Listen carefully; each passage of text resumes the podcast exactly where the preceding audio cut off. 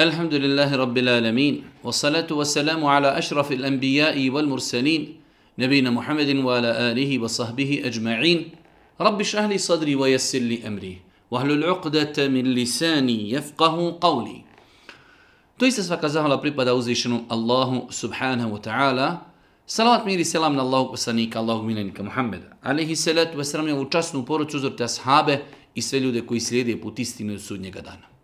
Uvažno Vraću i poštovani sestri, uvaženi prisutni, Evo nas još jednu emisiju u kojoj se družimo sa vašim pitanjima, vašim dilemama koje vi u pismenoj formi šaljete na naš e-mail. Ovo je naša 157. emisija. Prvo pitanje, ako abdestim, krenem u džamiju, znam da sam abdestio, ali se ne sjećam da li sam izgubio abdest, moram li u džamiji ponoviti abdest? Znači imamo situaciju koja se veoma često ljudima dešava, to je da čovjek abdesti i krene u džamiju. Kada dođe u džamiju, sumnja da li ima abdest ili nema abdest. U takvim situacijama to je veliko šerijatsko pravilo, e, znači sumnja ne potiskuje ubjeđenje. Mi smo sigurni da smo abdestili, a ne znamo da li smo izgubili abdest, u takvoj situaciji imamo abdest i nema potrebe da obnavljamo abdest. Znači, ako smo sigurni da smo abdestili, Imamo drugu situaciju kada bi čovjek kazao ja nisam siguran uopće jesam li abdestio ili ne. Tada se mora abdestiti. Ali ako znamo, abdestili smo, krenuli smo u džamiju, u džamiji dođemo i počnemo razmišljati znam da sam abdestio, ali ne znam jesam li izgubio abdest. Nisi izgubio abdest, imaš abdest, možeš klanjati. Ali ako dođemo u džamiju i počnemo razmišljati da li sam ja uopće uzeo abdest ili nisam, onda u takvoj situaciji čovjek mora abdesti. Ali ako smo sigurni, jesam uzeo abdest, ali samo ne znam da li sam ga izgubio, nisam izgubio abdest. Ako postoji mogućnost medicinska da insan odredi spol djeteta, je li to dopušteno?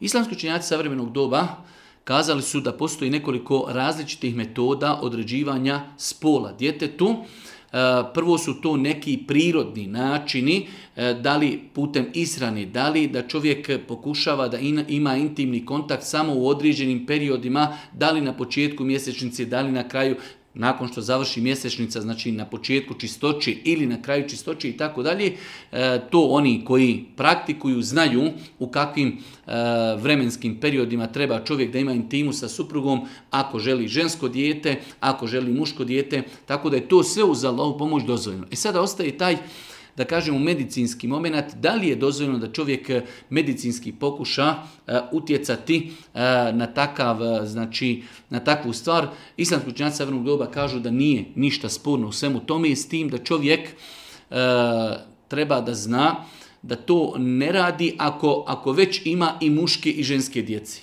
Znači ako bi se desilo čovjek ima primjer radi troje muške djece pa pokušava da dobije žensko dijete, to je razumno. Ili obrnuto, ako čovjek ima dvoje, troje, četvero ženske djece pa želi da ima muško dijete uz Allahu pomoć u takvim situacijama to je dozvoljeno. Dozvoljeno s tim da čovjek ne smije da bude srdit na Allahov kader i na Allahovu odredbu kada u pitanju ono što Allah Đelšanu odredi tako će i biti.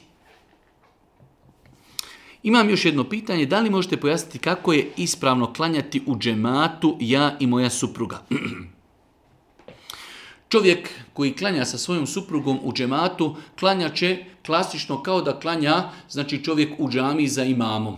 Jednostavno, e, čovjek, muž će stati ispred, njegova supruga će stati iza njega u, da kažemo, zaseban saf i jednostavno on je njen imam, ona klanja za njim znači e, od samog početka kada on donese početni tekbir, ona ga u svemu tome slijedi, nakon toga ruku, nakon toga sežda, nakon toga predavanje selama. Ono što je e, bitno znati jeste da čovjek i supruga kada klanja u džematu, čovjek staje ispred žene, žena staje iza njega i na, nakon toga povodi se za njime kao da klanja u džamiji za imamo. Četvrto pitanje, propis eutanazije u islamu ili takozvana smrt iz milosti za osobe koje su ostarile. Znači, da li je dozvoljeno osobama koje su ostarile da jednostavno putem eutanazije, uzimanjem određenih lijekova, uzimanjem, dobivanjem određenih inekcija da e, prouzrokuju sami sebi smrt, apsolutno zabranjeno. Apsolutno zabranjeno, to se smatra u islamu, bez obzira što to neko zove e, smrt iz milosti, kao insan nije osjetio nikakve bolove i tako dalje, to se smatra u islamu samoubistvo ili ubistvo. Tako da e, strogo zabrajno i samoubistvo i ubistvo e, vjernik musliman e, u poznim godinama treba da što više koristi svoje vrijeme da zikri, da veliča Allaha, da uči Kur'an, da obavlja namaze, da još na konto svojih dobrih dijela uradi još neko dobro djelo i da pridoda, a ne da on požuruje da ode sa dunjalka tako što će uzeti određene lijekove, dobiti određene injekcije, bez obzira što to ljudi zovu e, smrt iz milosti, to je u islamu strogo, strogo zabranjeno. Možete li praktično pokazati kako se klanja sjedići? E, Kada u pitanju klanjanje sjedići, e, prva stvar moramo znati, osoba koja klanja farze mora klanjati stojeći. Ako je u mogućnosti, ako je zdrava, mora klanjati stojeći. Ako ima opravdan šerijetski razlog, bolest ili nešto drugo, e, ne može stajati, onda će klanjati sjedeći to je vezano za farze. Kada su u pitanju na file, čovjek u startu, bez obzira imao razlog ili ne, može na filu klanjati sjedeći, ali će imati pola nagrade kao da je klanjao stojeći. Znači osoba koja klanja na filu može bez ikakvog šerijatskog opravdanja klanjati sjedeći, ali kao što je došlo vjerodostojno hadisima, ima pola nagrade namaza kojeg je klanjao stojeći. Kako se klanja sjedić? Evo, ovako kako sjedimo u stolici, čovjek će sjesti, donosi početni tekbir, znači nakon što je donio, nakon što je abdestio, okrenuo svoju stolicu prema kibli, znači e, donijet će tekbir, Allahu ekber, svezati ruke, i učiti ono što se uči. Kada odlazimo na ruku, čovjek stavlja ruke na koljena i poginje se. Nakon toga se vraća, podiži ruke, vraća se znači na kijam, semi Allahu limen hamide, hamden kathiran, tajibom, baraka fih, proučiti dove, nakon toga odlazi na seždu. Ako može učiniti seždu, otići će na zemlju učiniti seždu. Ako ne može, onda će ruke ponovo staviti na koljena i pogijeti se malo više nego što je bio pogijet kada je bio na ruku. Nakon toga se vraća sa prve sežde, opet čini drugu seždu, nakon toga ponovo se vraća na drugi rekiat i nastavlja sve kao što se desilo na prvom znači rekiatu ono što je bitno zapamti kada idemo na ruku, ćemo se, ruke su na koljenima, vraćamo se. Kada idemo na seždu, sagijećemo se više nego što smo bili pogiti. Neispravno je i bespotrebno da ljudi kada su na seždi podižu ruke i između ruku čine seždu. To nije potrebno. Čovjek će staviti kada klanja sjedeći i želi da uradi seždu, stavit će ruke na koljena i pogijeće se i na taj način će uraditi seždu. Eto, nadamo se ako Bog da, da smo e, uspjeli koliko toliko pojasniti, dočarati kako i na koji način se klanja sjedeći. Rekli smo kad su u pitanju farzi, osnova je da moramo klanjati stojeći, ako ne možemo, onda klanjamo sjedeći. Kada je u pitanju na fila, čovjek ako je umoran ili iz nekih drugih razloga, odmah u startu može klanjati sjedeći, ali njegov namaz će biti e, znači pola nagrade kao da je klanjao stojeći. Šesto pitanje, ima li pravo staratelj djevojki ili sama djevojka da uvjetuju njenom budućem mužu, da uvjetuju njenu udaju nastavkom školovanja? Znači, može li otac djevojke ili sama djevojka reći svome budućem mužu udaću se, ali pod uvjetom da nastavim školovanje? Ima. Znači, kad su u pitanju, e, kada je u pitanju brak i muž, ali isto tako i žena imaju pravo da uvjetuju nešto dodatno u bračnom ugovoru u čemu se nalazi njihova korist, sve dok je to halal i dopušteno, ako druga strana to prihvati, treba nakon toga da se ispoštuju. U vjerodostojnom hadisu je došlo da je Boži poslanik kazao doista su najprioritetniji uvjeti koje treba ispuniti i ispoštovati oni uvjeti koji ste vi postavili prilikom sklapanja bračnog ugovora i prilikom toga što vam je neko postao halal nakon što vam je bio haram. Znači prilikom sklapanja bračnog ugovora. Tako da djevojka ako uvjetuje ili njen otac kaže da, dajem saglasnost da se uda, ali pod uvjetom da nastavi školovanje. Ako taj čovjek to prihvati, onda mu je obaveza da to ispuni. na e, alaikum, imam pitanje u vezi abdesta koje me muči dugo vremena. Problem je što kada uzim abdest i krenim i oklanjam ili kod kući ili u neprestano mislim na abdest i imam strah da će mi nešto izaći i isteći na jedan od dva prirodna otvora i to me mnogo opterećuje psihički. Ovo je jedan, da ga kažemo, klasični standardni e, primjer vesvesa, šetanovi, došaptavanja ljudima da insan, iako je svjestan da mu ništa ne ističe ili izlazi na jedan od dva prirodna otvora, jednostavno napriže se, psihički se time opterećuje što je neispravno. Čak u vjerodostojnom Adisu Boži poslani kaže, kada mu je došao čovjek i požalio se, da mu crijeva jednostavno grči, da e, kao sumnja da li je izgubio abdest ili ne, kaže Allahom poslanik, le sarif, ne smije prekinuti namaz. Zabrana. Sve kaže dok ne bude siguran da je izgubio abdest. Tako da e, i u ovakvim slučajima čovjek uzima abdest, ide u džamiju i ne osvrći se više na abdest dok ne uradi nešto što je sigurno pokvarilo abdest, da li je mokrio, da li je obavio veliku fiziološku potrebu, malu fiziološku, da li je pustio vjetar, ali nešto što je sigurno, ali opterećavati se, mi smo kazali na početku emisije da je osnova onog momenta kada čovjek uzme abdest, imam abdest i ne razmišljam, znači da li sam ga izgubio ili ne. Sve dok ne uradim nešto sigurno zašto mogu kazati da mi kvari abdest. Znači nima čovjek potrebe da se opterećuje, ja sam pod abdestom, da li sam izgubio abdest? Apsolutno ne. Znam da sam kod kuće uzeo abdest, idem, živim, normalno kada nastupi namaz, jesam li uradio išta što kvari abdest? Nisam. Slobodno klanjamo i to je to. Imam jedno pitanje u vezi pranja nakon male nuždi u slučaju da imamo vodi.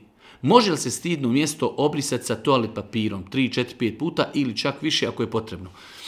U svakom slučaju, islamski učenjaci su dozvolili da čovjek nakon velike ili male fiziološke potrebe očisti se papirom ili u to vrijeme, za vrijeme Božeg poslanika, kamenom ili nekom korom ili nekom odjećom, pa makar i imao vodi. To je dozvoljeno. Svakako da je prioritetniji i ljepši očistiti se vodom jer ne možemo se ničim očistiti kao vodom, ali to je islam dozvolio i hajde da kažemo tolerisao da čovjek poslije velike ili male fiziološke potrebe očisti se ili kamenom ili u današnje vrijeme toalet papirom ili znači nekom korom ili e, odjećom, znači nekom krpom i tako dalje. Uvjet je da čovjek se minimalno potari i otari tri puta.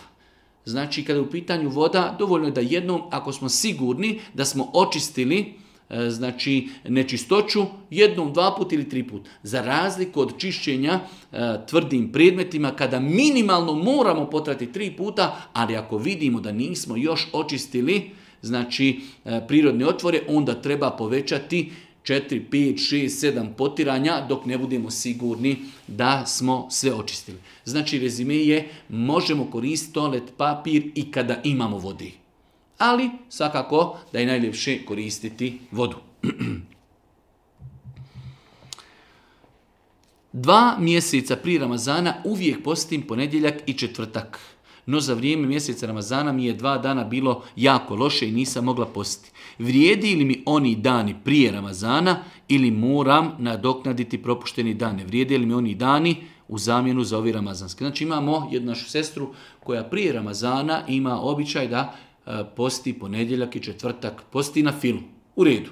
Nakon toga dolazi Ramazan kada ona u Ramazanu nije postila dva dana. E sada, Može li ona ta dva dana da računa da su to oni dani koje je postila pri Ramazana? Apsolutno ne. Innemel a'malu bin jad. Doista se dijela vrednu ponamira. Ona je tu postila kao na filu, ponedjeljak i četvrtak ne možemo postiti nešto unaprijed, da napaštamo, još nije došao Ramazan. Tako da žena koja je postila prije Ramazana na filu, to je na fila koja je upisana kao na fila. Dolazi nam Ramazan, zapamtimo koliko dana nismo postili i to napostimo nakon Ramazana. Znači zašto? Iz razloga nijeta kada smo prije Ramazana postili, to je bila na fila. Ne možemo prije Ramazana nijetiti da napaštamo dane koje ćemo u Ramazanu preskočiti. To je, to je neispravno. Možda ćemo cijeli Ramazan ispostiti bez jednog dana da ne daj Bože ne postimo. Tako da nije ispravno osoba koja znači nekoliko dana nije postila u Ramazanu, kada prođe Ramazan, kada se bude osjećala zdravo, lijepo, sposobno, napostiće broj dana koji nije postila u Ramazanu. Esselamu alaikum, planiram se pokriti, ali na društvenim mrežama moji prijatelji imaju slike e, mene bez hijjaba, da li to ima ikakvog utjecaja na moj hijjab? znači imamo jednu našu sestru, svakako, kao i mnoge druge djevojke, dok nije nosila hijjab, objavljivala je slike, njene slike se sada nalaze i kod drugih e, ljudi, njenih prijatelja, poznanika, rođaka na profilima, želi sada da se pokrije. Da li to što njene slike se nalazi na drugim profilima kao otkrivena, da li to utječe na njen hijab? Apsolutno ne utječe. Onog momenta kada ona odluči, stavi hijab, ona je se pokrila, od tada je pokorna Allahu. E sada, svakako da žena koja se pokrila, iz stida, iz znači jednostavno respekta, nije joj više drago da se njene slike pojavljuju gdje je ona otkrivena. Jer ja sam se pokrila, želim da takvu me ljudi znaju. U toj situaciji ono što žena može da uradi jeste da na lijep način zamoli sve svoje prijatelje, prijateljice, rođake, rodbinu jednostavno kaže Allah vas nagradio, ja sam se pokrila, nadam se, očekujem od vas da uklonite sa društvenih mreža, znači i da pobrišite, ne samo da uklonite, da pobrišite sve moje slike na kojima nisam ispravno šerijetski pokrivena. Esselamu alaikum, je li grije zaklinjati se Allahom za svaku sitnicu i za glupost? Čovjek vjernik bi trebao da pazi da se samo zaklinje u nekim rijetkim i veoma bitnim situacijama. Znači jednostavno zakljetva se koristi samo u nužnim situacijama kada je nešto bitno. E sada ovdje postavlja se pitanje da li je grijeh ako se neko kleo i zakljeno za neke sitnice. Teško je kazati da je to grijeh. Ali čovjek, vjernik, treba da čuva Allahovo ime. Treba da čuva zakljetva. Allah Želšanu kaže وَحْفَظُوا اِمَانَكُمْ Čuvajte svoje zaklite, nemojte se igrati. Nije Allahovo ime e, znači e, na tom nivou da se mi za bilo koju sitnicu zaklinjemo. Čovjek se zaklinje za nešto bitno, za nešto krupno, za nešto gdje jednostavno ne može drugačije dokazati osim da se zaklijete. Ali za svaku sitnicu, za gluposti, čovjek to ne treba raditi.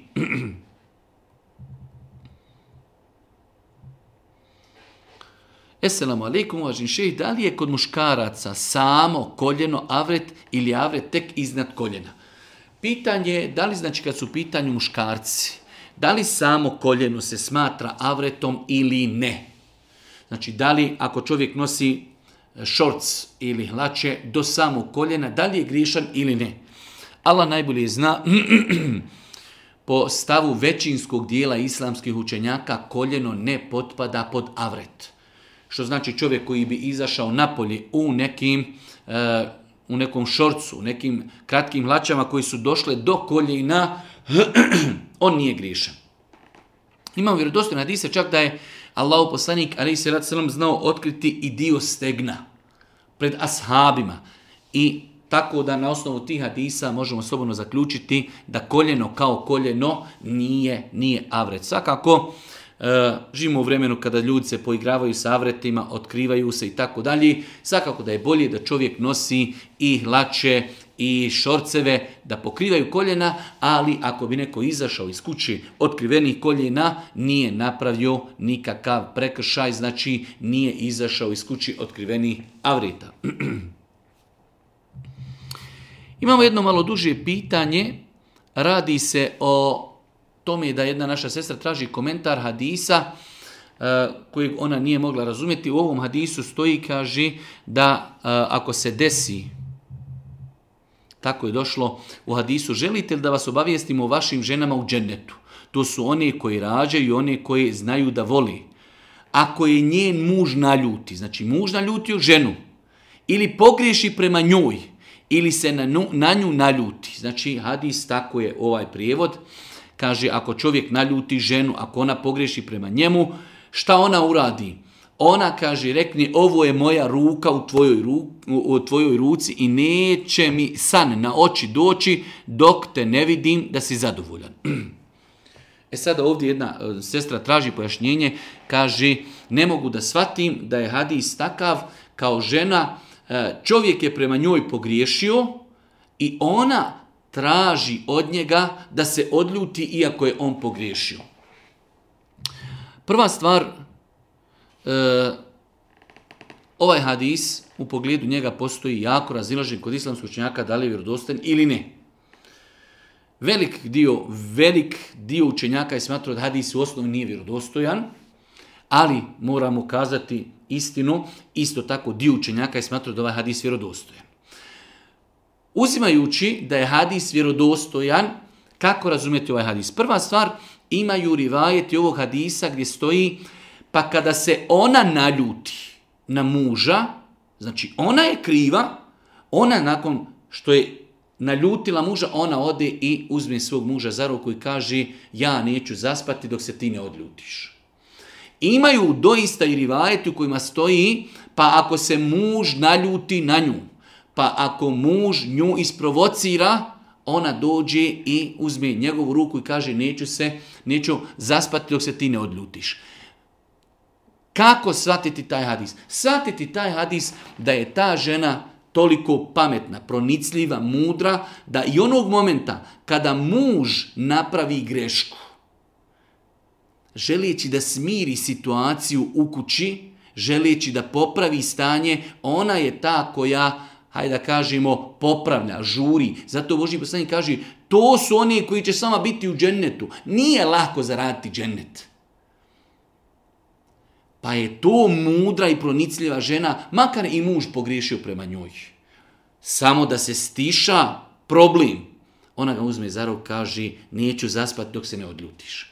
Ovo ne znači privatanje poniženja, ovo ne znači privatanje zuluma. Sutra, kada čovjek bude, kada čovjek bude horan, žena će mu kazati, vidi Allah te nagradio. Juče si ti bio kriv, ali sam ja bila, da kažemo, ta koja je hladila situaciju, pa sam ja tražila da se ti odljutiš. Nemoj više da se takve stvari dešavaju u smislu ti griješiš, a ja smirujem situaciju ali pametna i pronicljiva žena koja želi harmoniju, koja želi ljubav, koja želi brak, koja želi zadovoljstvo, ne smatra to nikakvim poniženjem. Čuva svog čovjeka, čuva svoj brak, čuva svoju budućnost, želi da bude sa svojim čovjekom u džennetu. Pa znači tako su islamski učenjaci tako su islamski učenjaci protokomentarisali pro, pro, pro ovaj hadis. Prvo, postoji razilaženje da li hadis vjerodostojan Druga stvar, ako bi rekli da je hadis vjerodostan, imaju rivajtu u kojima stoji da je ta žena, ona je se naljutila na muža, pa zbog toga ona traži da se muž odljuti. I treća verzija, i po toj verziji da je muž se naljutio na ženu. Šta ima sporno u tome i to je pokazatelj veličine te žene da ona dođe mužu i kaže de odljuti se. Bez obzira što si ti pogriješio prema meni, de se odljuti, opet je ljepše da živimo kada nisi ljut, a to ne znači prihvatanje takvih stvari kontinuirano. Lijepo sutra sjednimo, hladni gledaj, kažemo Allah te nagradio, juče se desilo tako, nemoj da to radiš, možda više ja neću imati sabora kada se ti naljutiš da ja, da ja smirujem situaciju u kući. Da li je haram optuživati nekoga za sihr? Ako nisi vidio, a sumnjaš na tu i na tu istu osobu. Optužiti nekoga za sihr bez dokaza je strogo zabranjeno. Sihr u osnovi je haram, jedan od najvećih grijeha u islamu. Kazati nekome da nam pravi sihr bez dokaza, svakako da je to vid potvori i moramo se paziti. Nažalost, dosta puta ljudi jedni druge potvori za sihr pa se uči tamo negdje a pa Jim progovori, pa kaže, znaš li ko, ti je, ko je napravio? Napravila krva, napravio sekar, napravio e, punac, napravila punica, napravila ti sestra, napravila ti majka i onda nastanu belaji, vjeruje se džinima koji govori iz čovjeka za takvu krupnu stvar. Znači, sihr je veliki, veliki grijeh, jedan od najvećih grijeha. U nekim verzijama može čovjeka izvesti iz vjeri, i ne smijemo se poigravati da nekoga proglasimo, da nama čini siher osim ako za to postoji 100% jasan dokaz. Esselamu alaikum, imam dvije žene. Teo bi da pitam da li je grijeh da spavam sa obe žene u jedan krevet i da li je dozvoljeno sa obe imati odnos u isto vrijeme. Znači čovjek kaže da ima dvije supruge, znači prakticira poligamni brak, pitanje njegovo je da li on može u isto vrijeme, u istom krevetu da spava sa dvije žene. Prvo s aspekta islama to je haram, a s druge strane to je gnusno.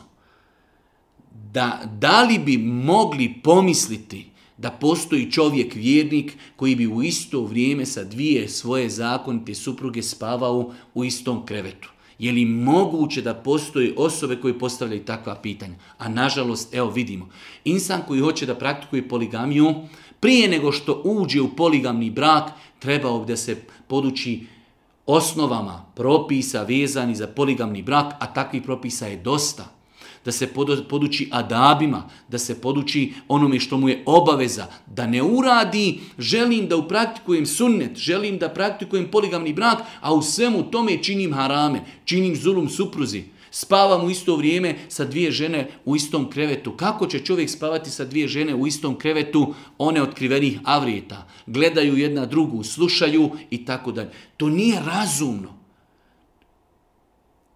Nažalost, kažemo ima i takvih osoba, tako da, znači ako već insan praktikuje poligamni brak, treba da nauči propise, strogo, strogo, haram, zabranjeno, da čovjek spoji dvije osobe u istom krevetu i da ima u isto vrijeme intimni kontakt sa njima.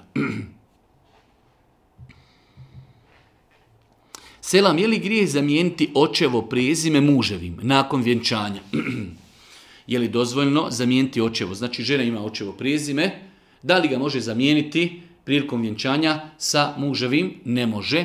U našim podnebljima, u našim podnebljima prezime označava čovjekovu lozu, označava čovjekovo porijeklo. Boži poslanik ali se Veselam izrekao je stroge hadise u tome da se ljudi odriču svog e, znači e, identiteta, svoje loze, svoga porijekla, da se pripisuju nekome drugome mimo ono mi od koga su znači nastali i postali tako da prilikom vjenčanja žena ostaje na svom prezimenu, muž ostaje na svome prezimenu.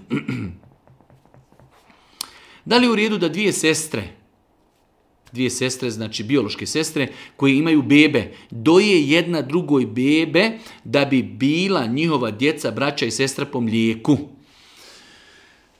Ovo je jedna interesantna situacija, znači imamo dvije sestre, po krvi i dobile su dijete u isto vrijeme.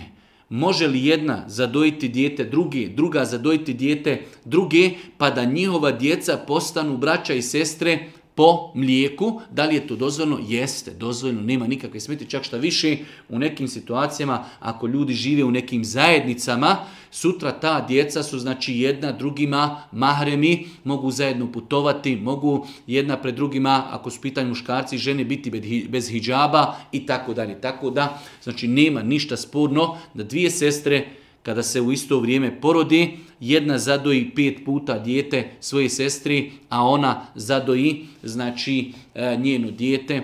Ta djeca su postala brat i sestra, brat i sestra po mlijeku, a dosta puta smo govorili o propisima koji proizilaze iz toga kada djeca postanu brat i sestra po mlijeku.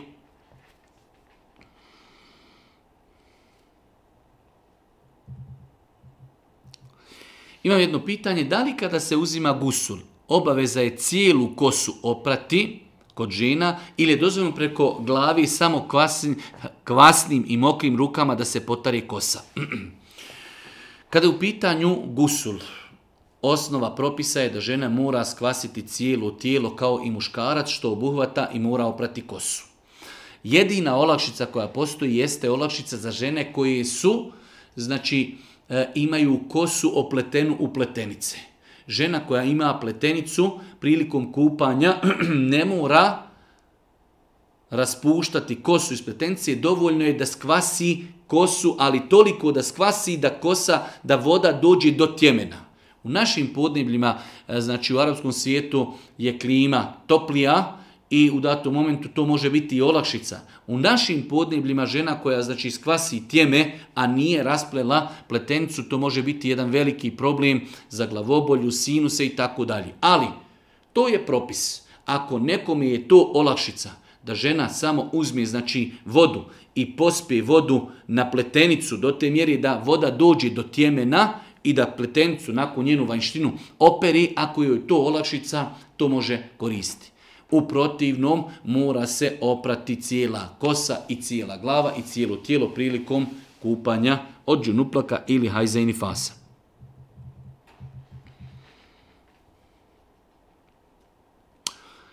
Negdje sam pročitao da je Muhammed Ali Selam zabranio da se drugima ustaje prilikom pozdravljanja ako mi sjedimo, a drugi stoje i ulazi u prostoriju. Da li je to tačno i ako jeste kakav je propis tog postupka kada ulazi otac u kuću? Da li treba ustati iz poštovanja?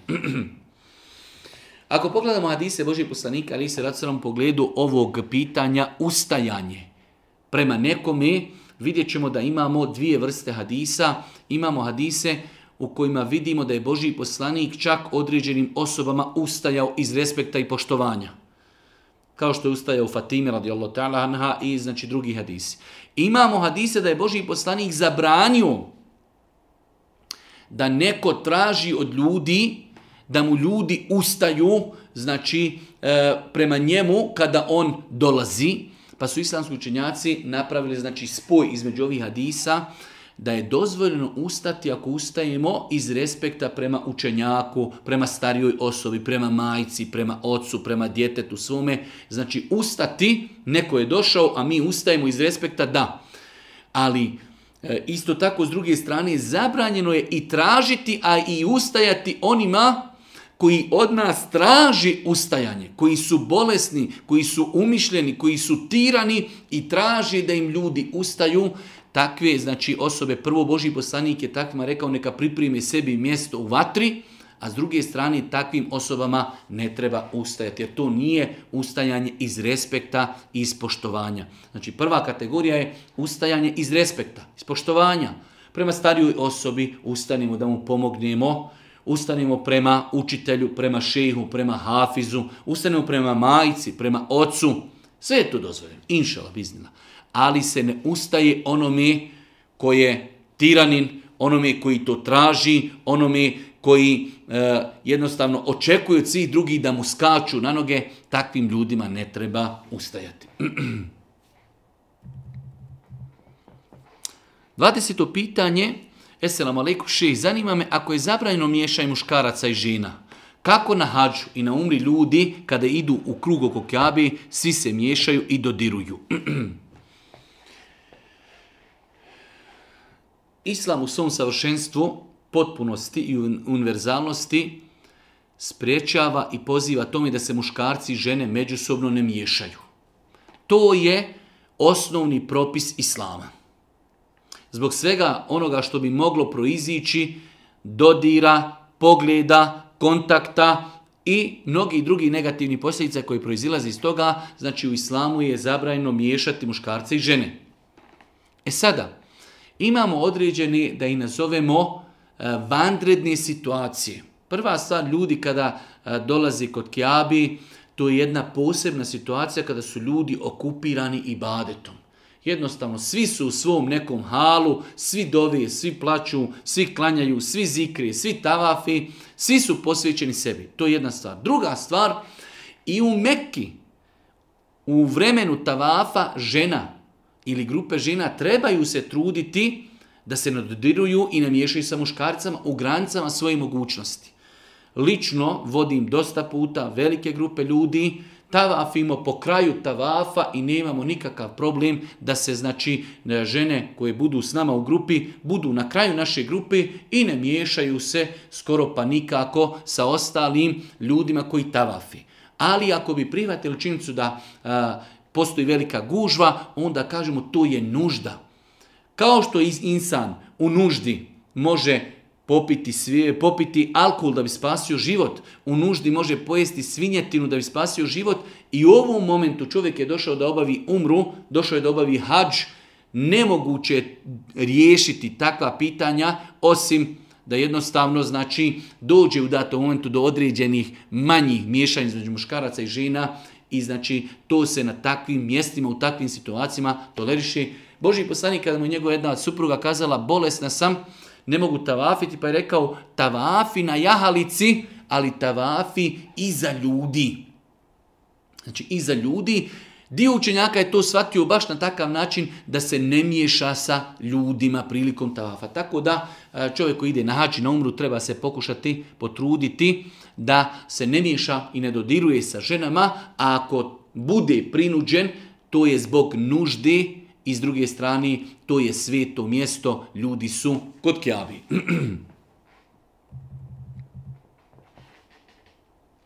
Moje pitanje je da li je ispravno vjenčati se šerijatski u gradu odakle mladoženja ili je pak ispravnije održati vjenčanje u mladinom selu i njenoj kući. u svakom slučaju, kad u pitanju vjenčanje šerijat nije definisao gdje se šerijatsko vjenčanje mora obaviti, može se obaviti u mladinoj kući, može se obaviti u mladoženoj kući, može se obaviti u džamiji, može se obaviti u hotelu, nije to definisano. Ono što treba znati jeste da mladinci dok se ne vjenčaju, nemaju pravo da se dodiruju, da se ljube, da se rukuju, da se osamljuju. Tako da, ako čovjek mladoženje ide po mladu, i neće se vjenčati u njenoj kući, oni su do momenta, ako će se vjenčati kod njega ili u hotelu ili u džamiji, do momenta vjenčanja oni su jedno drugome strani, ne mogu zajedno sjediti, ne mogu se dodirivati, ne mogu se rukovati, ne mogu se ljubiti, ne mogu se osamljivati. Sve dok se ne vjenčaju. Hoće li se vjenčati kod njene kući ili kod njegovi. To je znači pitanje koje Islam nije definisao, samim time ljudi će urati ono što im je najlakši.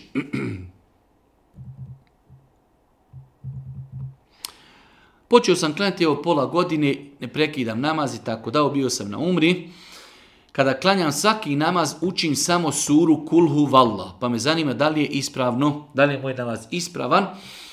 E, svakako da je namaz sa učenjem jedne te iste sure ispravan, ali isto tako ovo nam je pokazatelj da možemo e, imati osobe koje pola godine klanjaju i njihova ambicioznost je tolika da nisu još mogli naučiti 3-4 sure, znači kada bi rekli da učimo e, svakim danom samo jedan ajet. Kul e'udhu bi rabbil kul bi rabbil felak, jedan dan, jedan ajet, za 5-6 dana naučili bi jednu suru, opet za naredni 5-6 dana, kada bi učili samo po jedan ajet, opet bi naučili drugu suru. Znači čovjek, vjernik, treba da napreduje, treba da uči Kur'an, treba da se druži sa Kur'anom, da nauči 15, 20, 30 sura, pa i više, pa da postane i hafiz Kur'ana i tako dalje. Tako da, namaz obavljen E, sa jednom surom je ispravan, ali isto tako čovjek vjernik treba da se potrudi da nauči više kuranskih sura.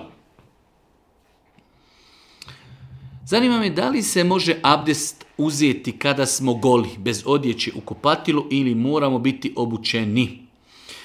E, odjeća, odnosno odjevanje, nema nikakve veze sa abdestom. Čovjek može da uzmi abdest nakon gusula ili nakon kupanja ili, iz nekih drugih razloga skinuje svu odjeću i abdesti. Njegov abdest je totalno ispravan s tim što prilikom oblačenja odjeće treba da pazi da rukom ne dotakne spolni organ direktno. Ako bi čovjek dotakao spolni organ prilikom oblačenja, znači direktno, njegov abdest je pokvaren. Ako bi dotakao spolni organ preko odjeće, njegov, njegov abdest je validan. Znači, validnost abdesta nema nikakve veze da li smo mi odjeveni ili ne. Osoba koja uzmi abdest, a nema odjeći na sebi, prilikom oblačenja odjeći treba paziti da rukom ne dotakne spolni organ jer to kvari abdest. Naime, da li je dozvoljeno sklapanje braka u toku mjeseca Ramazana? I tako da jedno dužije pitanje gdje jedan naš brat planira da se ženi u mjesecu Ramazanu. Da li je dozvoljeno sklopiti brak u mjesecu Ramazanu? Apsolutno da. Ne postoji period u toku godine, kao vremenska zona da nije dozvoljeno u njemu sklapati brak. E, znači postoji period u smislu da čovjek u ihramima, tada čovjek ne može sklapati brak. Mimo toga u kojem dijelu godine čovjek želi, u januaru, u februaru, Ramazanu, na početku godine, na kraju, kada god želi čovjek ima pravo da stupi u brak s tim što Osobe koji stupaju u brak u mjesecu Ramazanu trebaju dodatno da pazi, pošto jednostavno, e, znači u početku muškarac ima potrebu za ženom, žena ima potrebu za muškarcem, moraju paziti, znači da ne daj Bože ne pokvari post intimnim kontaktom e, u toku dana, znači od pojave zore do zalaska sunca nema intimi. Ako bi se desilo da imaju intimni kontakt u mjesecu Ramazanu, da tako pokvari post, nakon toga prvo što su radili grijeh, uradili su haram, moraju se pokajati, moraju napostiti taj dan i moraju postiti 60 dana neprekidno. Kao kefaret, iskup za to što su radili, tako da osobe koje sklapaju brak e, u Ramazanu moraju se dodatno pripaziti da ne daj Bože u toku dana kada posti ne bi imali intimni kontakt. Kako postupiti ako smo upravo klanjali ikindiju namaz, a nakon namaza se pojavila sumnja? Da li smo proučili tehijatu na prvom sjedenju? u svakom slučaju, islamski učinjaci su postavili jedno veliko pravilo kada u pitanju sumnja da ako čovjek završi ibadet, predao je selam, nema znači više potrebe da se odsvrće na bilo kakve sumnje. Osim kada bi siguran bio da je nešto izostavio.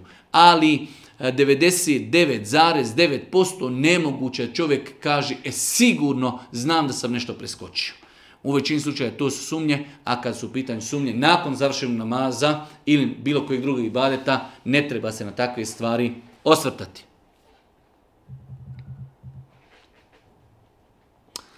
26. pitanje, pročitala sam u jednoj knjizi da se djeci ne smiju nadjevati e, neka od 99 lijepih Allahovih i imena. Pošto znam dosta ljudi koji nose imena Latif, Aziz, Hamid, Halim, Kerim, Ramadan i tako da, Rahman, e, zanima me da li je to istina.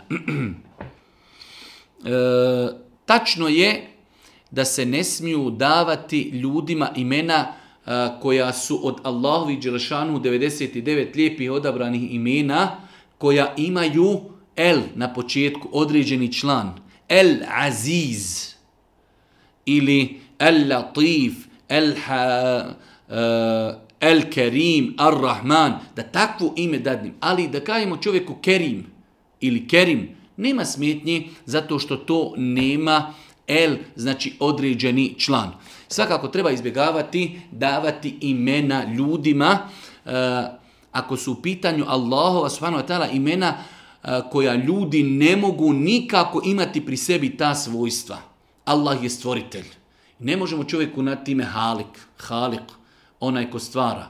Allah subhanahu eh, el halik, možemo čovjeku dati ime Abdul Halik. U svakom slučaju, znači imamo pravilo prvo da eh, ispred Allahog Đelšanu lijepog imena dodamo riječ Abd, pa kažemo Abdul Rahman, Abdul Aziz, Abdul Kerim, Abdul Halik i tako dalje. To je jedno od najboljih rješenja. Drugo rješenje je da e, Allahu subhanahu wa ime, eh, znači može ga imati čovjek, ali da se ne stavlja el, znači određeni član, da se stavi bez el, da se stavi znači kerim, da se stavi ne znam aziz i ta aziz i tako dalje.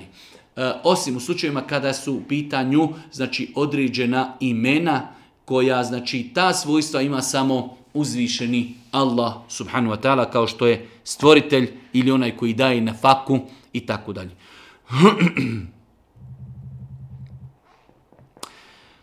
Interesuje vaš stav vezano za klanjanje više vakata sa istim abdestom. Ako sam pritom sigurno da sam da je abdest validan. Nema smetnji da čovjek sa jednim abdestom klanja 2, 3, 4, 5 namaza koliko može izdržati da čuva abdest. Nema smetnje. Boži poslanik Ali Salam eh, u danu kada je osvojio Meku klanjao je sve dnevne namaze sa jednim abdestom. Iako s druge strane pohvalno i lijepo je da čovjek makar imao abdest, ako je klanjao s tim abdestom jedan namaz, nastupio je drugi namaz, lijepo je obnoviti namaz, eh, abdest. Znači imamo pravilo, dozvoljeno da čovjek klanja sa jednim abdestom koliko god može namaza, sve dok može čuvati abdest. To je dozvoljeno. Pohvalno i lijepo da svaki namaz čovjek klanja sa novim abdestom. To je pohvalno, a ono prvo je dozvoljeno.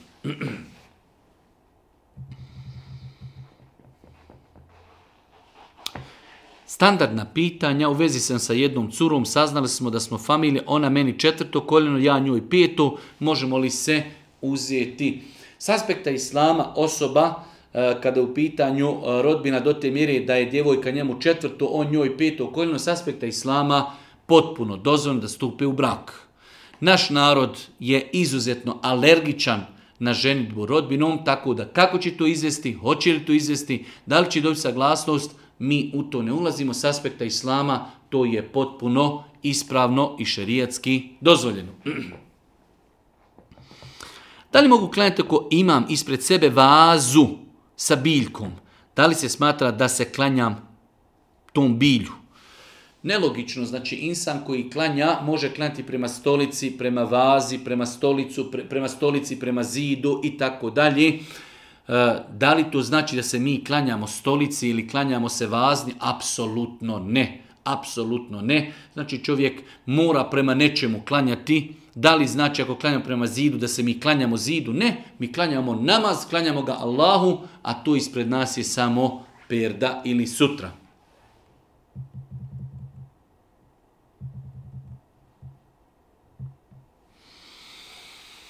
E, naime, počeo sam redovno klanjati pet vakata namaza prije godinu i pol. Međutim, počeo sam imati problema sa ušima. Valjda od čestog pranja e, perutaju se i svrbi me znači uši. Mogu li da uzimam te Znači imamo jednog našeg brata koji je počeo redovno klanjati e, i e, zbog uzimanja abdesta, počeo je, bar on tako misli, počele su mu uši, znači on je rekao perutaju se i svrbi ga. E, da li može zbog toga uzimati tejemum? E, u ovoj situaciji nije dozvoljeno uzimati temu iz razloga što pranje ušiju po velikoj većini islamskoj činjaka je sunnet odnosno ne pranje ušiju, nego potiranje po ušima. E, znači čovjek kada abdesti prva stvar treba samo, ne treba prati uši, već treba samo vlažnim rukama da potare uši.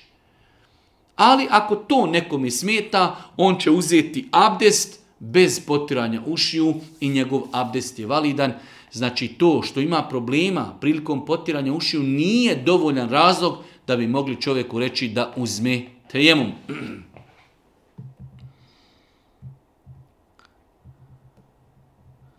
31. pitanje. Uvaženi šeh, imam pitanje vezano za sunnet djeteta. Čuo sam da ima poliklinika u tom i tom gradu gdje dijete mogu osunnetiti laserski. A isto tako čuo sam od neke braće da to možda i nije ispravno. Jer prilikom takvog sunjećenja krv se ne ispravite, tako dalje. Uglavnom, je li dozvoljno osunetiti dijete laserski? E, Pojenta sumnečenja jeste ostranjivanje kožice koja se nalazi na vrhu spolnog organa kod djeteta. Na bilo koji način da se ta kožica skloni i ukloni, to je ako Bog da dozvoljeno, pod uvjetom da u tome ne postoji nikakva šteta za dijete.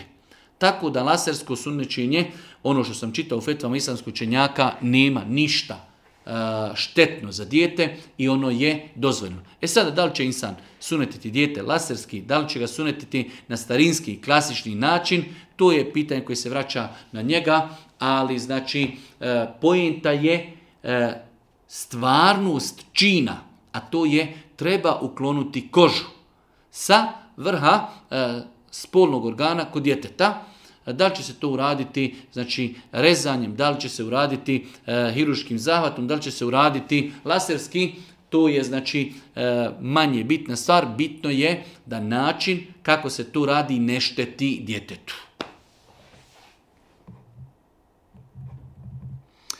Prezadnje pitanje, da li se može umra obaviti ako žena dobije mjesečnicu?